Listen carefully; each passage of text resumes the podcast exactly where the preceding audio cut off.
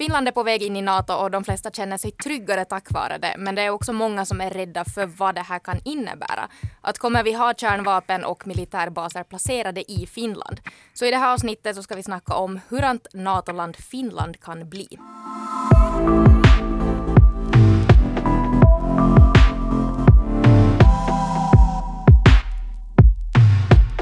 Okej, okay, så om vi börjar med en kort recap om vad är läget egentligen med Finland och NATO. Mm. Så på tisdagen den 17 maj, 17 maj, så, mm, Norge. så röstar Finlands riksdag ja till att gå med i försvarsalliansen NATO. Och de här ledamöterna röstade igenom det med en väldigt stor majoritet. Rösterna var 188 mot 8. Mm. Uh, och sen Kalla inte till och med Haavisto, Pekka Haavisto, utrikesministern, det för Nordkorea-siffror, tror jag han sa så lite skämtsamt. ja, ja no, det är det lite. Jag har svårt att komma ihåg när det senast skulle ha varit så här stor majoritet i något. Nej. Um, men ja, och sen dagen efter det, den 18 maj, uh, så lämnar Finland då och med också Sverige in sina ansökningar till NATO vid en så här liten enkel ceremoni i NATOs högkvarter i Bryssel. Mm. Lite choklad, lite skumpa kanske. Mm. Mm. Ja. Mycket fint. Ja, mysigt. Så ja, så vi är ännu inte medlemmar, men ansökan är inne och nu kommer det då att bli de här medlemskapsförhandlingarna. Men som det ser ut för tillfället så kommer Finland bli ett NATO-land. Mm. Och jag tänker inte gå desto mer in på bakgrunden till NATO. Att vill man ha mera om det så kan man lyssna på vår tidigare podd som vi gjorde att, eh, som heter Därför är Finland inte med i NATO. Ja. inte jätteaktuell titel numera, men Nej, det stämde men, då. Ja, eh, mm. och där finns ändå relevant information om själva försvarsalliansen. Men riktigt kort så NATO är då en militär försvarsallians med för tillfället 30 medlemsländer i Nordamerika och Europa. Och syftet med NATO är då att skydda friheten och säkerheten för medlemsländerna med både politiska och militära medel. Och, och, det är det här att en väpnad attack på en eller flera av medlemsländerna anses som ett angrepp mot alla NATO-länder enligt då den här, deras den här NATOs grunddokument artikel 5 som nämns lite hit och dit. Mm. Men, ja. Men nu ska vi då fokusera på hur NATO-land Finland skulle kunna vara, vilka, liksom, vilka möjligheter finns det? Okej, okay, men som jag nämnde så det är medlemskapsförhandlingar på gång, eller det kommer att bli medlemskapsförhandlingar. Uh, och det är då både NATO och Finland kommer att framföra sina så här ramvillkor och det kommer diskuteras pengar. Att man, man sätter helt enkelt upp ramar för hur landet ska se ut som ett NATO-land. Mm. Och Finland och Sverige är ju ännu de enda nordiska länderna som inte är medlem i NATO. Så om vi då jämför med de andra, just Norge, Danmark och Island, hur ser, man, hur ser NATO ut där? Mm. Det är lite knepigt. För det första så är det kanske lite knepigt att jämföra för att såväl Island som Danmark och Norge har varit med från första början, mm. 1949. De var med och grunda, speciellt Norge var en väldigt viktig del av att liksom NATO överhuvudtaget blev till. Så att deras förutsättningar kanske var lite andra då de var, liksom var med och byggde hela skiten på det viset, ja. om, om vi säger så. Men ja, Uh, Norge uh, ses nog som en föregångare. Norge plockas ofta upp som exempel. Det har plockats upp i, i många uh, mediesända diskussioner om NATO. Så talar man om Norge som någon sorts föregångare. Mm. Det som då Norge har förhandlat till sig uh, i, sin, i sitt medlemskap i NATO är att de under fredstid inte ska ha NATO-styrkor i sitt land och de ska inte heller ha kärnvapen. Men Norge hostar ganska ofta olika NATO-övningar, bland annat en, en så här arktisk militärövning som de gör tillsammans med, med Storbritannien. Mm. Uh, och då kan det vara så att liksom NATO-soldater vistas i Norge, i, i Nordnorge, i, i långa perioder, alltså månader till och med. Ja. Sekin on vähän tulkinnanvarainen, että onko se tukikohta vai ei. Siis toisin sanoen en expert som jag talade med, Terhi Suominen. Eh, hon är på generalsekreterare för Atlantsällskapet och har forskat i NATO-frågor bland annat. Eh, så hon sa det att, att det inte alltid är så lätt att definiera vad liksom en NATO-bas är. För det är också någonting som Danmark äh, har i sin deal med NATO, att de vill inte ha NATO-baser äh, på det viset. Men att Norge ska inte heller ha NATO-baser, men om det då vistas NATO-styrkor i Norge under flera månaders tid, vad är då en bas och vad är inte en? Mm. Att, att, kan det ses som en tillfällig bas? Är det bara ett läger? Definitionerna är ganska luddiga, så att ja. säga. Danmark då, som jag nämnde, de har en ganska liknande överenskommelse som Norge. De vill inte heller ha baser, de vill inte ha någon NATO-närvaro eller kärnvapen under fredstid. Men äh, Danmark har ändå en flygbas på Grönland och Grönland lyder ju under den danska kronan så att säga. Alltså det, hör, det hör ju till Danmark. Ja. Där finns en flygbas, äh, en NATO-flygbas som har funnits ända sedan 50-talet. Men äh, där är också lite fun fact så här, är att Danmark godkände aldrig egentligen officiellt den där basen, har jag förstått det som, att den, den danska staten gav inte riktigt ett godkännande, Jaha. utan det var någon sorts överenskommelse mellan någon ambassadör och den amerikanska liksom, staten. Ja, det är inte bara heller det här att vilket land kommer man att ta inspiration från, utan mycket rubriker har ju skapats av rädslan för just kärnvapnen. Att finns det då någon risk att det kommer förvaras kärnvapen i Finland? Eh, högst antagligen inte, som det ser ut mm. nu. Experten då, Terhi Suominen, så hon, hon snackar om att, att många militärstrateger och så vidare tycker att det inte skulle vara särskilt smart rent strategiskt. Att det skulle vara en stor risk att helt enkelt förvara kärnvapen så här nära ryska gränsen. Allt är förstås teoretiskt ännu, det påpekar hon också. Och att det är jättesvårt att veta liksom, om man överhuvudtaget skulle bli erbjuden att sådär, hej Finland, vad skulle ni säga om ni skulle hålla i de här kärnvapen en liten stund? Det, vi vet inte det ännu. Och sen är det inte heller alltid liksom sagt att fast man ens skulle vilja ha en massa NATO-saker i sitt land, så är det inte givet att man får det. Esimerkiksi Baltit yrittivät vuosia saada näitä pysyviä joukkoja omalle maaperälleen, ja nyt vasta sitten äh, tämän muuttuneen turvallisuus ympäristön seurauksena he saivat... Suominen snackar om de baltiska länderna till exempel. De lobbar länge för att få en ökad närvaro av NATO-soldater, NATO-styrkor ja. i de baltiska länderna, men det tog väldigt länge förrän de fick det. Att det, det krävdes liksom att säkerhetsläget blev värre, så att säga. Mm. Eh, då fick de det de ville ha. Uh, så ja, så det är inte så att man skickar heller NATO-trupper bara på skojs skull? Nej, nej. nej precis, utan det, det, det, ska finnas strategiska anledningar till ja. det. Och sen är det också det att det, det, finns skillnad på kärnvapenländer och kärnvapenländer. Mm. Uh, att, att i Europa då så är det Frankrike och Storbritannien som har egna kärnvapen. Mm. Uh, det tredje NATO-landet som har kärnvapen är USA. Men det finns fler länder i Europa som har kärnvapen vilket gör det här lite flummigare, för att Nederländerna, Turkiet, Belgien och Tyskland och Italien faktiskt, de liksom tar hand om amerikanska kärnvapen. De har alltså amerikanska kärnvapen. Ja.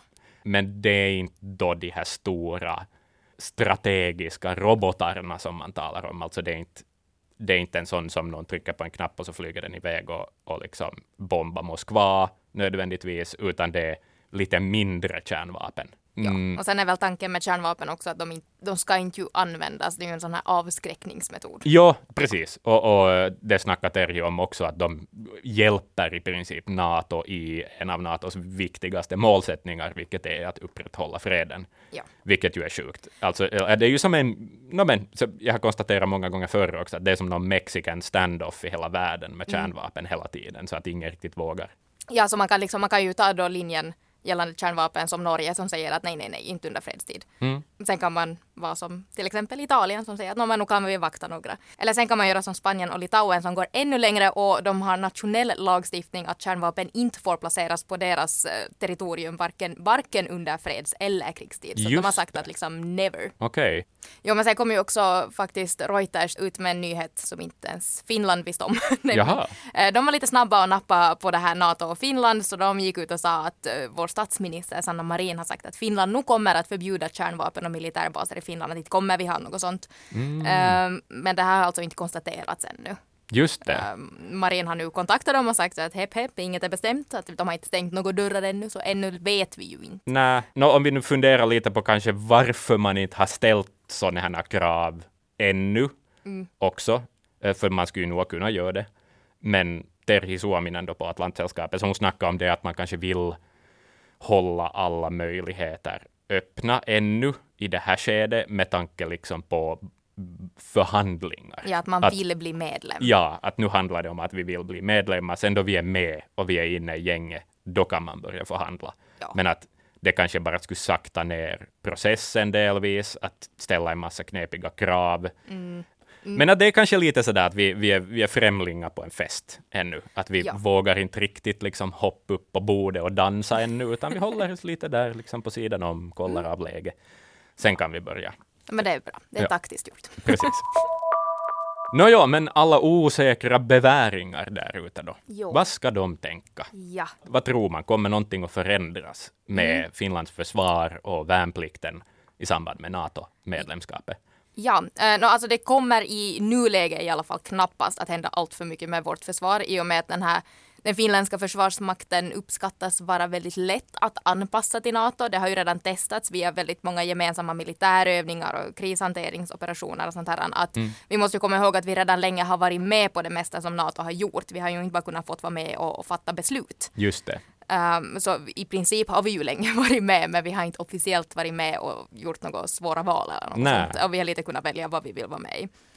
Uh, men också så samma med värnplikten, i och med att just försvaret knappast kommer att ändras allt för mycket nu till en början i alla fall, så kommer knappast värnplikten eller då diverse repövningar heller att göra det. Just det, Så att precis. än så länge så, så kan man ta det lugnt och bara, vet jag, sitta i en skog och ta en tobak. Sådär som folk har gjort i alla tider. Ja, men det Och säg hajå med dagen. Jag har ju med dagar. Mm. Eh, det sägs också att det mest naturliga nu skulle vara typ Finland men också då Sverige som eh, har ansökt att, det, de skulle vara, att vi skulle vara aktiva i närområdet, alltså Östersjön och Arktis och just vara närvarande i till exempel de baltiska länderna. Mm. Men Finland måste ju också såklart vara beredda på att eh, skicka styrkor eller då bataljoner vid kriser längre bort. Att det är ju det att ska man få skydd så måste man ju också skydda andra. Ja, och sen är det ju i allmänhet alla de här NATO-grejerna, så det sägs alltid att NATO är en mellanstatlig organisation. Mm. Det är inte en överstatlig organisation. Så att skillnaden är att länderna i NATO bestämmer själva vad de bidrar med, Ja. så att säga. Det finns inga tvång egentligen. Så att vi har nog fortfarande makt över vårt eget försvar. Jag har förstått liksom att praxis hittills är det att beväringar inte skickas utomlands Nej. i militära uppdrag, utan det ska liksom vara yrkes, yrkesmilitär för en sånt börja hända. Ja. Eh, och, och det lär väl inte heller förändras. Ja. ja, och sen är ju också många fundersamma över just försvaret och pengarna, att vad händer där? Mm. Det har kritiserats mycket att ett NATO-medlemskap skulle bli dyrare för Finland, men Finland har redan de två senaste åren levt upp till det här kravet som ställs på medlemsländerna, det vill säga att försvarsbudgeten ska vara 2 procent av bruttonationalprodukten. Så för tillfället är den ändå det. Ja, Så. ja, för det har jag förstått att det är många av NATOs medlemsländer som inte lever upp till den liksom, Mm. Nej. förväntan. Nej, det är Eh, inte heller. Så det är inte riktigt ett måste heller, den måste vara 2 procent. Uh, och och då, under 2010-talet så hade, var väl i medeltalet vår andel eh, 1,3 procent. Just det. Så hela tiden har inte vi levt upp till det, men nu de senaste åren har vi gjort det, så det blir ju ändå dyrare hela tiden. Mm. Men det har väl också att göra med att eh, det har köpts in ganska mycket. Ja. Det var ju nya flygplan och eh, flottan har väl delvis uppdaterats. Att mycket sådana där dyra inköp som har gjorts eh, på det viset pumpar upp det. Men de inköpen gör också att det bättre motsvarar vad NATO förväntar sig att man ska ha, så att säga. Vilka Mm. leksaker armén har. Inte för att vi ska kalla det leksaker, de är Mm, byggda nej, för att inte. ta livet av folk. I början av Rysslands anfall på Ukraina Mm. så, och före det så har ju nog Putin och hans liksom, gäng varit ganska tydliga med vad de tycker om NATO. Att man inte uppskattar att NATO får fler medlemmar just nu. Och, och det har varit hot hit och dit. Och det har sagts saker om kärnvapen och så vidare. Men vad är läget liksom med Putin nu? Mm. Eh, Då Finland och Sverige faktiskt har lämnat in sina ansökningar. Ja, no, han har ju plötsligt nu den senaste veckan lite ändrat attityd. Mm. När han kanske har insett att vi kommer gå med oberoende vad de hotar med. Just det. Eh, eller i alla fall ansöka. Tidigare har han ju då sagt eh, att det är ett hot och att oj, oj, det blir konsekvenser. Och, och det är inte ju bara han också, det är ju också de andra premiärministrarna där och utrikesministrarna. Men nu har han då gått och sagt det att eh, det att Finland skulle gå med i NATO inte mera ett hot mot Ryssland. Men däremot skulle det vara ett hot ifall Finland nu skulle välja att ha till exempel då kärnvapen placerade i landet eller till exempel baser. Precis. Så Ja, ja. Kanske det ändras lite hela tiden, men Här ja. kan man ju nog spekulera. Nej, men som uttrycket går, är det då så att tomma tunnor skramlar mest, som eh, gamla människor brukar säga. Ja. Men att liksom, Ja, de- ja, är det tomma hot? No, det, ja, men uh, no, ja, inte vet man ju aldrig. Eh, men hur tomma de än är så de påverkar de ju ändå oss. För att nu, vi har ju ändå en över tusen kilometer lång gräns som vi delar med dem. Eh, så när de nu sitter dit och hotar med kärnvapen blir man ju kanske lite så Jo, ja, vi kan ju inte göra någonting åt att Ryssland ändå är där. Nej. Och det liksom, Men som Sauli hade sagt, se dig i spegeln. Men alltså överlag så hade ju, det har ju varit en massa nu så här gaslighting från Rysslands håll.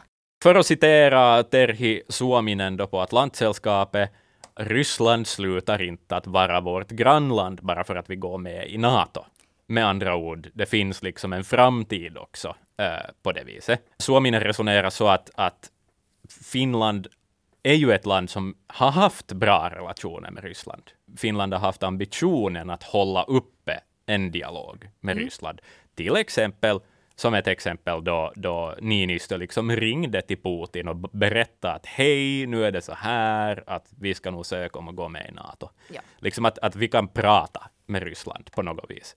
Terhi Suominen så tänker nog liksom att Finland strävar till att ändå fortsätta upprätthålla någon sorts förhållande till Ryssland. Men eh, förstås, det här förhållandet till Ryssland har ju förändrats dramatiskt, men tiden går, situationen kan förändras i framtiden. Och oavsett vad som händer så är det ändå i Finlands intresse att, att ha en relation med Ryssland, oavsett om vi tillhör NATO eller inte. Ja. För att de är där, bredvid oss.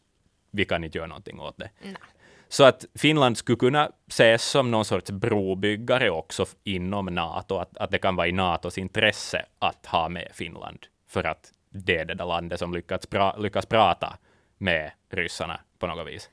Ja, det är Äh, sant. det. Ja, men Ja. för att det ska hända så måste förstås Ryssland visa att de är beredda att följa internationell rätt, till exempel, Mm. för att det liksom kan bli något sorts nytt kapitel i relationerna till Ryssland. Och det, en annan intressant sak som hon berättade var det att det faktiskt finns en kommunikationskanal mellan NATO och Ryssland.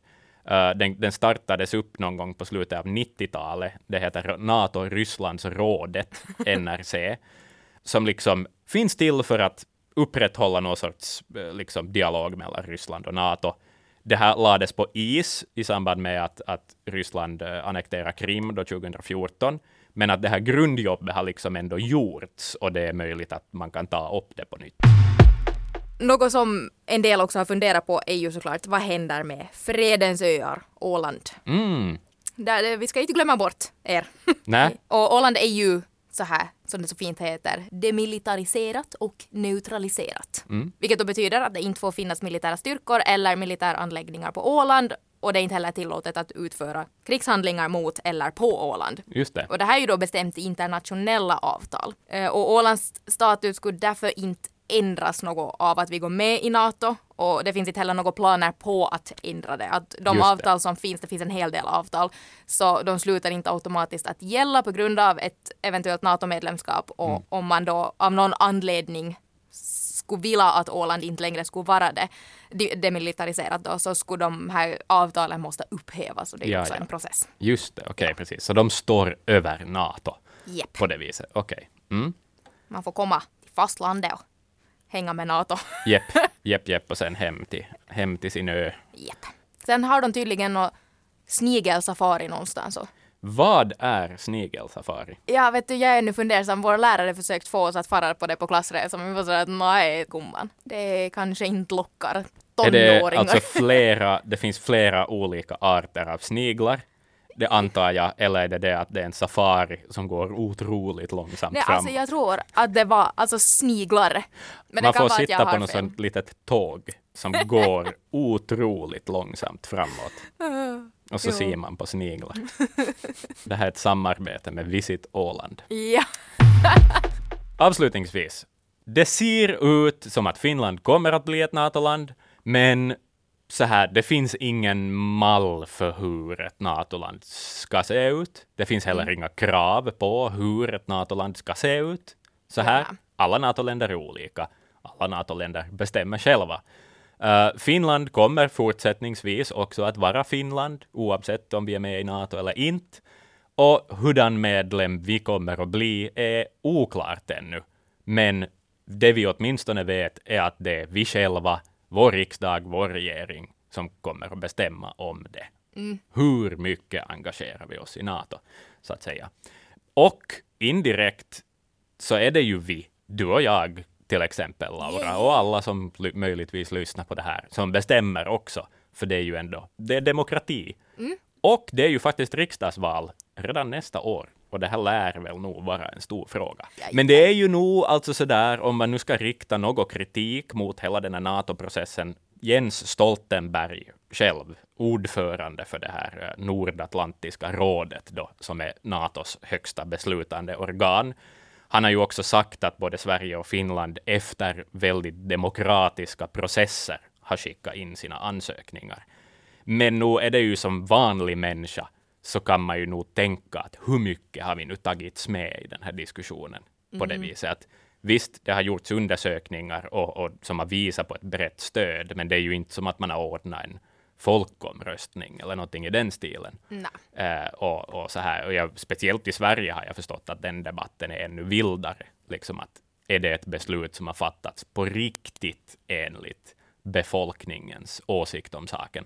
Eller är det ett beslut som har fattats av politiker? Men, eh, men nu är de där ansökningarna inne i alla fall. Så att, ja. nej, men det är ju upp till oss ändå. Alltså jag ja. menar, det är ju ändå våra beslutsfattare som bestämmer hur mycket vi är med. Det här var veckans avsnitt av Fatta grejer med mig, Laura och Axel. Tack för att du lyssnar och om du har kommentarer om avsnittet så får du jättegärna höra av dig till Axel. Axel.brink.yle.fi Yes, eller sen till mig på laura.tornros.yle.fi. Du hittar oss också på Instagram under namnet Yle Extrem Nyheter.